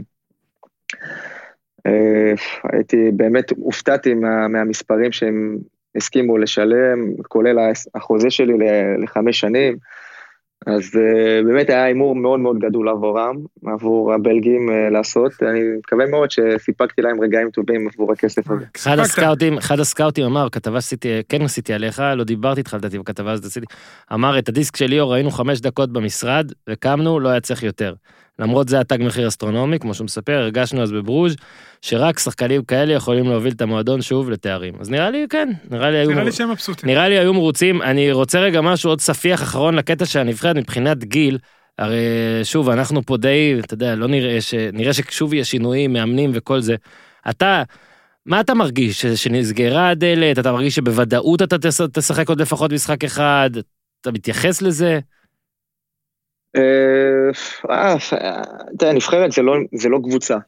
אה, יש משימה נקודתית, ואני חושב שלאותו פרק זמן, אתה צריך לקחת את השחקנים שיכולים להעליב לך את התוצאה הטובה ביותר לאותו פרק זמן. לא סגרת. אני לא יודע מה יהיה בהמשך. לא נסגרה הדלת. לא, כמובן שלא, לא, כי הרבה פעמים אמרו לי, ליאור, מה אתה צריך את הכאב ראש הזה, יש קורונה, יש זה, אתה עם המשפחה, יש לך את העסק, יש לך את הילדים, את האישה. מה עכשיו תעזוב את הבלגיה עכשיו בשביל עשרה ימים, שלושה משחקים, בוא תתרכז. אומר לך אנשים מפה, בוא תתרכז פה בקבוצה שלך, פה העשייה שלך היא פה. אתה כבר עשור לא נמצא בישראל, מה אתה צריך את הכאב ראש הזה? אתה באמת, דובר... הרבה אנשים. אתה דובר את השפה אגב? אני מבין אותה טוב, מדבר כמו עילג. זה קשה, תשמע, זה ממש קשה. כן, שפה קשה. עכשיו, אתה יודע, כן. מסקרן, לא, אתה יודע, כמו כל הקטע הנבחרת, גם יש את הקטע פה של מורשת. אה, שחקנים שלרוב יוצאים מפה מוקדם, אז מצד אחד זה טוב להם לקריירה, מצד שני לפעמים קצת נשכחים. ואז נגיד בטח לא מזומנים לנבחרת, לנבחרת, אין הזדמנות למאסה אה, לצפות בהם, אז צופים במשחק פעם בבלגיה בטלוויזיה, אבל זה לא אותו דבר. אתה נגיד זה, איך אתה מרגיש? זאת אומרת, הרי בבלגיה, בבלגיה אתה הולך ברחוב עכשיו, זה בטח יש טירוף בעיר, כאילו תסביר לנו קצת איפה אתה במובן הזה. אז אני אסביר, כמובן שכל מה שאתה אומר הוא נכון למה שקורה בישראל, כי יש פחות חשיפה ואתה מרגיש שאתה פחות מוערך או פחות מתוקשר. אה, אני גם לא טיפוס שאוהב ליחצן כל דבר נכון. שאני עושה. זה גם עליך כזה, כאילו באופי. כן, פחות, תן לעשות את הדברים יותר, אה, לא אגיד צנוע, אבל תן לעשות את הדברים קצת יותר, אה, קצת יותר אינטימי, אני לא אוהב כל דבר שאני עושה, או כל דבר שאני, או כל מקום שאני נמצא בו, מיד ל, לפרסם את זה, או לשתף את כולם, כי דברים קצת צריכים להישאר אותנטי, ככה אני בדעה שלי. זה טוב שיש את הכלי הזה שאתה יכול, בעצם זה כלי תקשורת שאתה יכול ליצור, כן. להעביר מסר לכל מי שאתה רוצה דרכו, ואני לא פוסל את אלה שכן עושים את זה, ואני חושב שזה נהדר, שזה בעצם משהו שאתה מנהל ואתה שולט בו, אה, וצריך להשתמש בו, אבל במינון נכון, אני לא אוהב את אלה שמגזימים, ואני גם את אלה, לא אוהב את אלה שלא עושים כלום. אה, צריך לדעת לשלוט אותו, אבל ההערכה והאהבה והחום שאני פה מקבל בבלגיה, אה, היא באמת, היא באמת בקנה מידה יומיומי. שלכן החוסר חשיפה בישראל קצת פחות מעיק עליי, בוא נגיד. ובוא נגיד, הרבה יותר חשוב לי מה אנשי מקצוע בבלגיה ועיתונאים ואוהדים בבלגיה חושבים עליי מאשר מה שקורה בישראל, לדוגמה. כי אתה מרגיש שפה לא, לא רואים כמעט, או לא מקבלים את לא, זה לא משנה, בוא נגיד עכשיו כולכם מהיום עד מחר רק מפרגנים לי, ואנשי מקצוע מה זה, מה זה נותן לי לבלגיה? בבלגיה... כן, לא, לא אה, שומעים אה, אותנו, אורי, אפשר לתרגם אותך לפלמית? אתה יודע קצת להגיד? לא, לא אני אגיד לך את האמת, זה פחות, אה, בוא נגיד כמה הליגה בישראל מסוכרת באירופה. נכון, נכון. אתה לא מעליב אותנו, הכל טוב, זה נכון גם. לעומת הליגה הבלגית. לא, גם סקאוטים בקושי מסתכלים, ועם כמה שהייתה נהירה, אתה יודע. אם אני אראה לך רשימת סקאוטים שהיה לנו במשחק האחרון, אז אתה רואה אתלטיקו מדריד וברצלונה וצ'לסי ואברטון, אתה רואה מועדונים שכל סוף שבוע, שסקאוטים שלהם חיים פה באנוורפן ובבריסל, שהם חיים פה. כן. אז זה, אין מה לעשות, זה שונה. יש הבדל אדיר. בוא נגיד שאני יודע משהו שרציתי שתעשה ואתה לא כזה רצית, אבל בוא נשאל ככה, אם יש שחקן שאתה פשוט מתגעגע לשחק, לשחק איתו, שחקן שביום יום שאתה אומר וואי איזה כיף אם הייתי יכול עכשיו נגיד משחק אחד לשחק איתו, חודש. עם מי היה לך את החיבור כן. הכי טוב? כיף לשחק איתו עכשיו. עם בוקני יש לו חיבור טוב. אל תיתן לו, אל לא, תכניס לו לא, מילים לפה, תן לו לבחור לבד. לא, לא מעכשיו פשוט. הוא יכול לבחור לבד. אני אבחר, אה, הייתי רוצה להגיד אורי אוזן, אבל זה ממש אחורה. לא, אני גם אמחוק את זה פשוט, אני אמחוק את זה מהקלטה, חבל. אבל, לא, אבל אני יכול לומר שעם ויקטור וסקס הספרדי הייתה לי כימיה באמת אדירה בתוך המגרש ומחוץ למגרש, היינו באמת, אה, אה, באמת חברים מאוד מאוד טובים, ובאמת היה לי באמת כיף לשחק איתו, היינו באמת על עיוור, משחקים, ובאמת הייתה לי חוויה מאוד מאוד טובה איתו בקלאב ברוז'. עכשיו יש משהו שרציתי לשאול אותך ושכחתי, אז הוא נגרר לסוף, אבל לא, לא נסיים ככה, כאילו כן נסיים בטוב. בכל זאת היה גם איזה מקרה מטורף ש... ש... שקראתי גם פרצו לך לבית והכל וזה גם מה שנתתי את ההקדמה קודם שלפעמים אנשים יש לאנשים לשחקנים נגיד איזה ירידה או דעיכה ואף אחד לא מבין זה בכלל ממשהו שעובר בבית. אם אתה יכול קצת לספר על זה בקצרה אפילו, על מה באמת קרה שם, ועד כמה זה משפיע עליך עכשיו נגיד, האם זה גרם לכם לפחד, כי לפי הדברים שקראתי גם כזה, אמרת, הם, הם לא נתפסו או משהו, השודדים או משהו כזה, האם כאילו זה השפיע עליכם ברמה של וואלה, לא בטוח פה, או קיבלתם את זה כאיזה משהו נדיר, פשוט היה טראומטי בהתחלה? לא, תראה, אה, קודם כל חוויה מאוד מאוד לא נעימה, ואני לא הראשון ובטח לא האחרון שפורצים אליו הביתה. לשמחתי, אף אחד, אה, אני הייתי במשחק, אבל אה, לא האישה ולא הילדים היו בבית. חוץ מהכאב של הדברים כל המטריאל שנעלם וכל הדברים שהם ה... לקחו הכל כאילו? פשוט רוקנו את הדירה? לקחו, רוקנו את הכל, רוקנו את כל הבית, והדברים שהם סנטימנטליים שלקחו, עם כל הקושי של זה, בסופו של דבר זה עובר, וכל הצד הפיננסי שנפגע, כל הדברים האלה בסופו של דבר אתה מחלים מהם. מה שנשאר זה הצלקת איתה, שאתה... אפילו היום, אני הולך לישון, אני תמיד בודק, הכל סגור, האזעקה פועלת, המצלמות פועלות. אה, דברים שאתה לוקח, שנשארים איתך הרבה הרבה זמן, והתקופה הקשה הייתה בעקבות, אה, גל אשתי הייתה בחודש שביעי להיריון, שישי שביעי להיריון. Mm-hmm.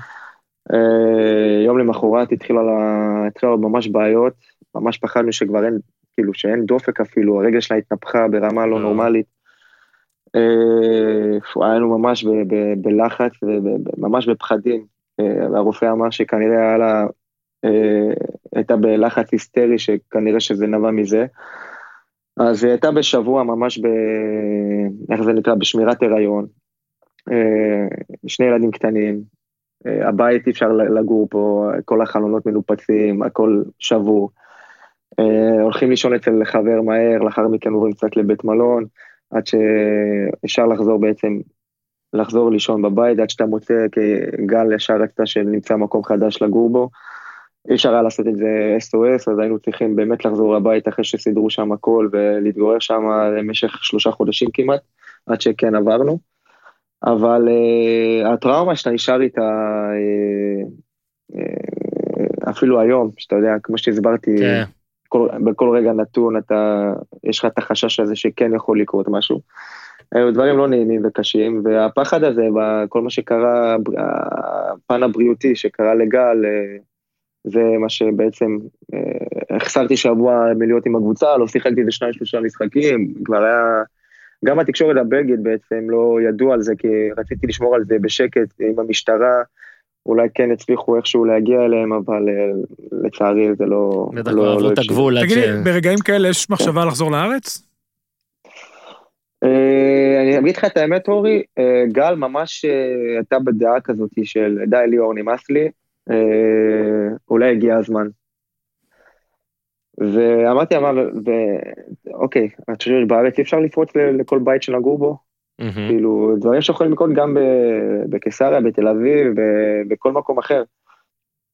אה, ו... ואנחנו היינו בתקופה שהגענו בעונה שנייה באלוורפן, התחלתי להרגיש טוב בקבוצה, הייתי בכושר טוב, אז הייתה את העצירה הזאת, פתאום גם אני זוכר היה פרסומים בארץ שאני אולי, אולי חוזר לשחק בישראל, כי שניים שלושה משחקים לא משחק. אז אם, גם בוא נגיד, עזוב את הפריצה, שניים שלושה משחקים לא שיחקתי בגלל יכולת מקצועית. בגלל יכולת מקצועית שיהיה לי תקופה פחות טובה. זה mm. עכשיו הרצון לקום ולעזוב. לא, בוא, אה, לא המשפחה, אבל המשפחה, אתה יודע, לפני הכל, ונראה לי הקושי הגדול, אתה יודע, כמו שאמרת, פריצה יכולה להיות בכל מקום, אבל uh, המשפחה, אתה יודע, פריצה במדינה שהיא לא שלך, והמשפחה רחוקה, אתה יודע, נכון, באים, אבל רחוקה. כן, נכון, בטח נכון, לאישה, שכמו שאמרת, האישה בעצם בסוף, אתה יודע, אתה יודע, תספר את זה גם מהזווית שלך אולי, היא בעצם מקריבה בשביל הבעל המון בשנים האלה. ללא ספק, מה זה, אני, אני אומר לך בוודאות שכל התקופה שלי פה בעצם, העשר שנים האחרונות בבלגיה, לא הייתי מצליח להעביר בלי גל. ללא ספק, יש לה אחוזים אה, מאוד מאוד גבוהים בהצלחה שלי ובתמיכה הזאת, האינסופית. אה, אתה יודע, זה הרבה קלישאות שאומרים שהאישה היא, אבל באמת, אני חווה את זה מדי יום. אנחנו עם תינוקת קטנה, שני ילדים קטנים, היא לא נותנת לי לקום בלילה, היא תמיד דואגת שאני אשן את השעות, את השעות שאני צריך כדי להתאושש, כדי לקום לאימון כמו שצריך. באמת, ושיש לך אישה שהיא תומכת ככה, וזה אין, זה, זה עוזר לך לקריירה להיות טוב יותר, אין מה לעשות. זהו, אז אני אומר, ואז ברגע שהיא באה אליך, אחרי כל מה שהיא... ואתה יודע כן. מה יהיה. אורי רוצה היה... שתחזור פשוט, אתה מבין? לא, הוא יחזור מתישהו, אבל לא. היה, היה, איזה, באותו רגע היה, טוב, אז אולי נבדוק בכל זאת, אתה יודע, או כן, שעדיין הלכת על זה בכל הכוח, אמרת אני נשאר. היו, היו, היו, היו את השיחות אוקיי. האלה, ובעיקר שאתה יודע, רצתה את ההורים שלה קרובים אליה בתקופה הזאת, שיעזרו ויחבקו את האנשים, אתה יודע, שאתה רגיל, המשפחה, הקן שלך שהיה רחוק ונמצא בישראל. אה, והיה לנו כמה שיחות על זה, ובסופו של דבר החלטנו יחד כמובן שזה לא העת לעשות. ניצחת גם את זה. הצלחת גם את זה. כן. אנחנו צריכים לסיים בדברים חיוביים, אז אנטוורפ כן, דברפן, מקום חמישי בסוכנויות ההימורים, אוקיי, שישי בליגה, חמישי בסוכנויות ההימורים, אורי, אני יודע שאתה אוהב, אני יודע כן. שאתה אוהב. עכשיו רפאלוב ייתן לנו המלצה, האם רפאלוב, מה, אנחנו מאמינים או זה קלאב ברוז' עם כל הכבוד רצים ואתם מנסים להפתיע משהו אחר? מה, מה, מה, מה, מה הרגשתך? עבר מספיק זמן. חוש... אה, תראה, אנחנו אמנם רק בתחילת הדרך ואף קבוצה לא זוכה, לא זוכה באליפות בנובמבר. כן, אפשר להרגיש קצת. אה, אבל אני חושב שאנחנו וקלאב ברוז' אנחנו שני הקבוצות הטובות בבלגיה היום. אוקיי, עכשיו אתה עוקב קצת אחרי ליגת העל פה? לצערי לא. לצערך לא. טוב, אני אעדכן אותך שמכבי חיפה אולי, אולי השנה, אחרי... הפתיחה הכי טובה מאז אה, העונה שהוא היה. מאז העונה שהיית. תוצאות אני כן עוקב. אה, לא יוצא לי לראות בכלל משחקים, אבל תוצאות אני כן עוקב, ושמח לראות על הפתיחת העונה, והיותר חשוב זה הגאפ שיש להם עם מכבי תל אביב, שהיא כן. הדולקת כביכול אחריה לזכייה. אולי תבוא למוקדמות הצ'מפיונס. לא, זה לא יקרה, אוהדי מכבי חיפה חלאס. אה, תגיד רגע, מבחינת אה, מה שאתה כן צופה, איזה כדורגל עכשיו אתה צופה? מאנגלית ספרדית, חוץ משלכם? אה, כן, בעיקר. טוב, אורי, מה אתה רוצה עוד? המלצה לנטפליקס? מה עוד אין לנו? לא, ראית שעת נעילה? כולם רואים את זה, כולם רואים את זה. ליאור, ראית... שמע, היה ממש כיף, היה ממש מעניין, שמח שעשינו את זה, כמו שאמרתי לך, זה לא תחליף להגיע... רגע, ליאור, כמה זמן לא הייתם בארץ? וואו, הרבה זמן, אני חושב מכמעט שנה. והמשפחה מגיעה אליכם? נעדכן אותך. אה, ב Christmas האחרון היינו, ב Christmas 19, כמעט שנה. כמעט שנה לא היית בישראל? כן, כן, זה ככה. כן, וההורים כן. באים אליך, המשפחה? ההורים באו אלינו, אה, כמובן הלידה בפברואר של הקטנה, שהיא בפברואר לפני הקורונה, כולם היו פה. ועכשיו שהיה את בין הסגר הראשון לשני, שהיה את איזה חודשיים האלה שקצת אה, חמצן, אז הם באו לבקר. רגע, ואין גם, אתה יודע, שנה לא להיות בארץ. אספר לך, גם מבלגיה, בגלל המדדים שם הכל, לכל מקום אתה צריך בידוד, ובבלגיה גם, לא יודע, ליאור יתקד אותי, אבל נגיד ליוון, מכל מקום כמעט אתה צריך בידוד גם בחזור, זה לפחות בחודש האחרון היה מאוד טירוף סביב זה, זה כל טיסה אתה צריך לחשוב עכשיו. כן, על ברור. מה אתה, כן. זה, אני יכול להגיד לך שמבלגיה, אמ, נגיד אנחנו טסנו ליוון, בגלל שטסנו מבלגיה, כן, שעברנו את הגבול בשעה נסיעה הזה, ולא הייתי בכלל בבלגיה, לא הייתי באוויר הבלגי, הייתי צריך לעשות בדיקת קורונה, נגיד מהולנד לא, מבלגיה כן, הסתכלו על בלגיה כאל מקום אה, מאוד, אה, בוא נגיד, כן, בולט. כן, הייתה אדומה, והמספרים הוא באמת כן, לא טובים. בורדו. אה, אבל בוא נגיד, בבלגיה ימי בידוד הם סך הכל חמישה ימי בידוד, כן. אז זה לא נורא כל כך.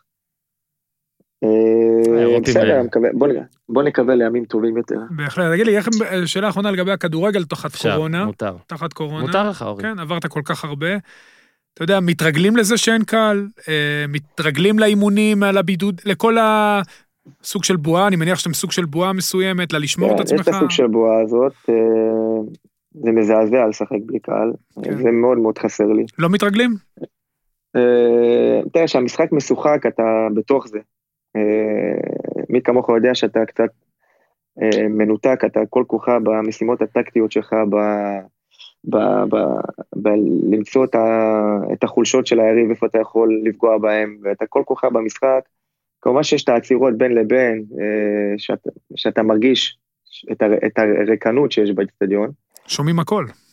שומעים הכל, כל תגובה, אתה בקושי יכול לדבר, כל צעקה של מאמן כזה או אחר, אתה שומע את כל ההוראות. Mm-hmm.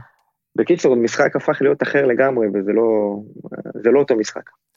טוב, נראה לי שאלה אחרונה זה מי הוא מעדיף, אורי או קלמי, אבל נעזוב, את ליאר לא נשאל, את ליאר לא נשאל, לא, לא, לא תשתתף בחידון אורי או קלמי, אתה, עזוב, אתה מעל זה. גימיק שזה רצוי לוותר עליו. זהו, זה מעצבן אותך אורי? לא, וואי, וואי, עכשיו שאמרת זה מעצבן אותך, אנחנו עושים טוב. ליאור, תודה רבה על הזמן, היה ממש כיף, פעם הבאה באולפן, כמו שאמרנו, תמשיך להצליח. אה, תודה חברים. אני אתן פה נבואה, אני מאמין שהוא נראה אותו בנבחרת. אני מקווה, ואני נתתי נבואה שהייתי במכבי חיפה והגעתי ב-2004. אוקיי. ידעתי שהוא יהיה שחקן גדול, שיעשה קריירה גדולה. גם תרנגול עיוור, הוא היה אדיר באימונים, היה גם משחק מולי הרבה, כי הוא היה בכנף שמאל. רגע, באימונים... הוא היה תמיד מיוחד. רגע, זה כן, עזוב, לא, קלמי אסור, קלמי לא, אסור, אבל רגע, באימונים. אה, אה, ליאור, אורי היה מעצבן וצובט, או זה רק יריבות במשחקים? ואתה לא צובט, אתה צובט. לא, לא צובט, לא צובט. קודם כל אני חייב לומר שאורי תמיד היה בין אלה אה, שהיו הכי אינטליגנטים בחדר הלבשה, זה א', ב', היה שחקן מאוד קשוח, קרוס מאוד טוב, רק באימונים. אבל מאוד נהניתי, מאוד נהניתי שבתחילת הקריירה שלי היו ממש חבר'ה נהדרים במכבי חיפה, ואורי היה אחד מהם. שוב, תודה, תודה, תודה, ליאור, תודה על הזמן, ויאללה, הפעם הבאה גם מבחן בפלמית. תמשיך להצליח. עכשיו צרפתית גם, עכשיו גם אה, נכון, אתה זה, זה הקטע, בלגיה, כן, עברת. כן. בסדר גמור, תודה רבה. יאללה, נדבר. כן, היה לנו גם כיף. ביי ביי. ביי, ליאור. ביי ביי. אז תודה לליאור רפאלוב, תודה אורי אוזן. תודה רבה. תודה למזרני פנדה, תודה לגולדסטאר, וואי, שני חברים חדשים יש לנו, תודה לאיתי. כמה חברים יש לנו בטוטל? יש לנו הרבה חברים, אה אורי? כן. אנחנו אוהבים חברים? צריך עוד חברים, צריך עוד חברים. אפשר, יש, אפשר, אנחנו פתוחים לכל חברים. אורי עובד לסדר לו עוד כמה חברים, אני רואה את זה. אני לא קשור. עד כאן הפעם, תודה לרפאלוב, תעשו טוב.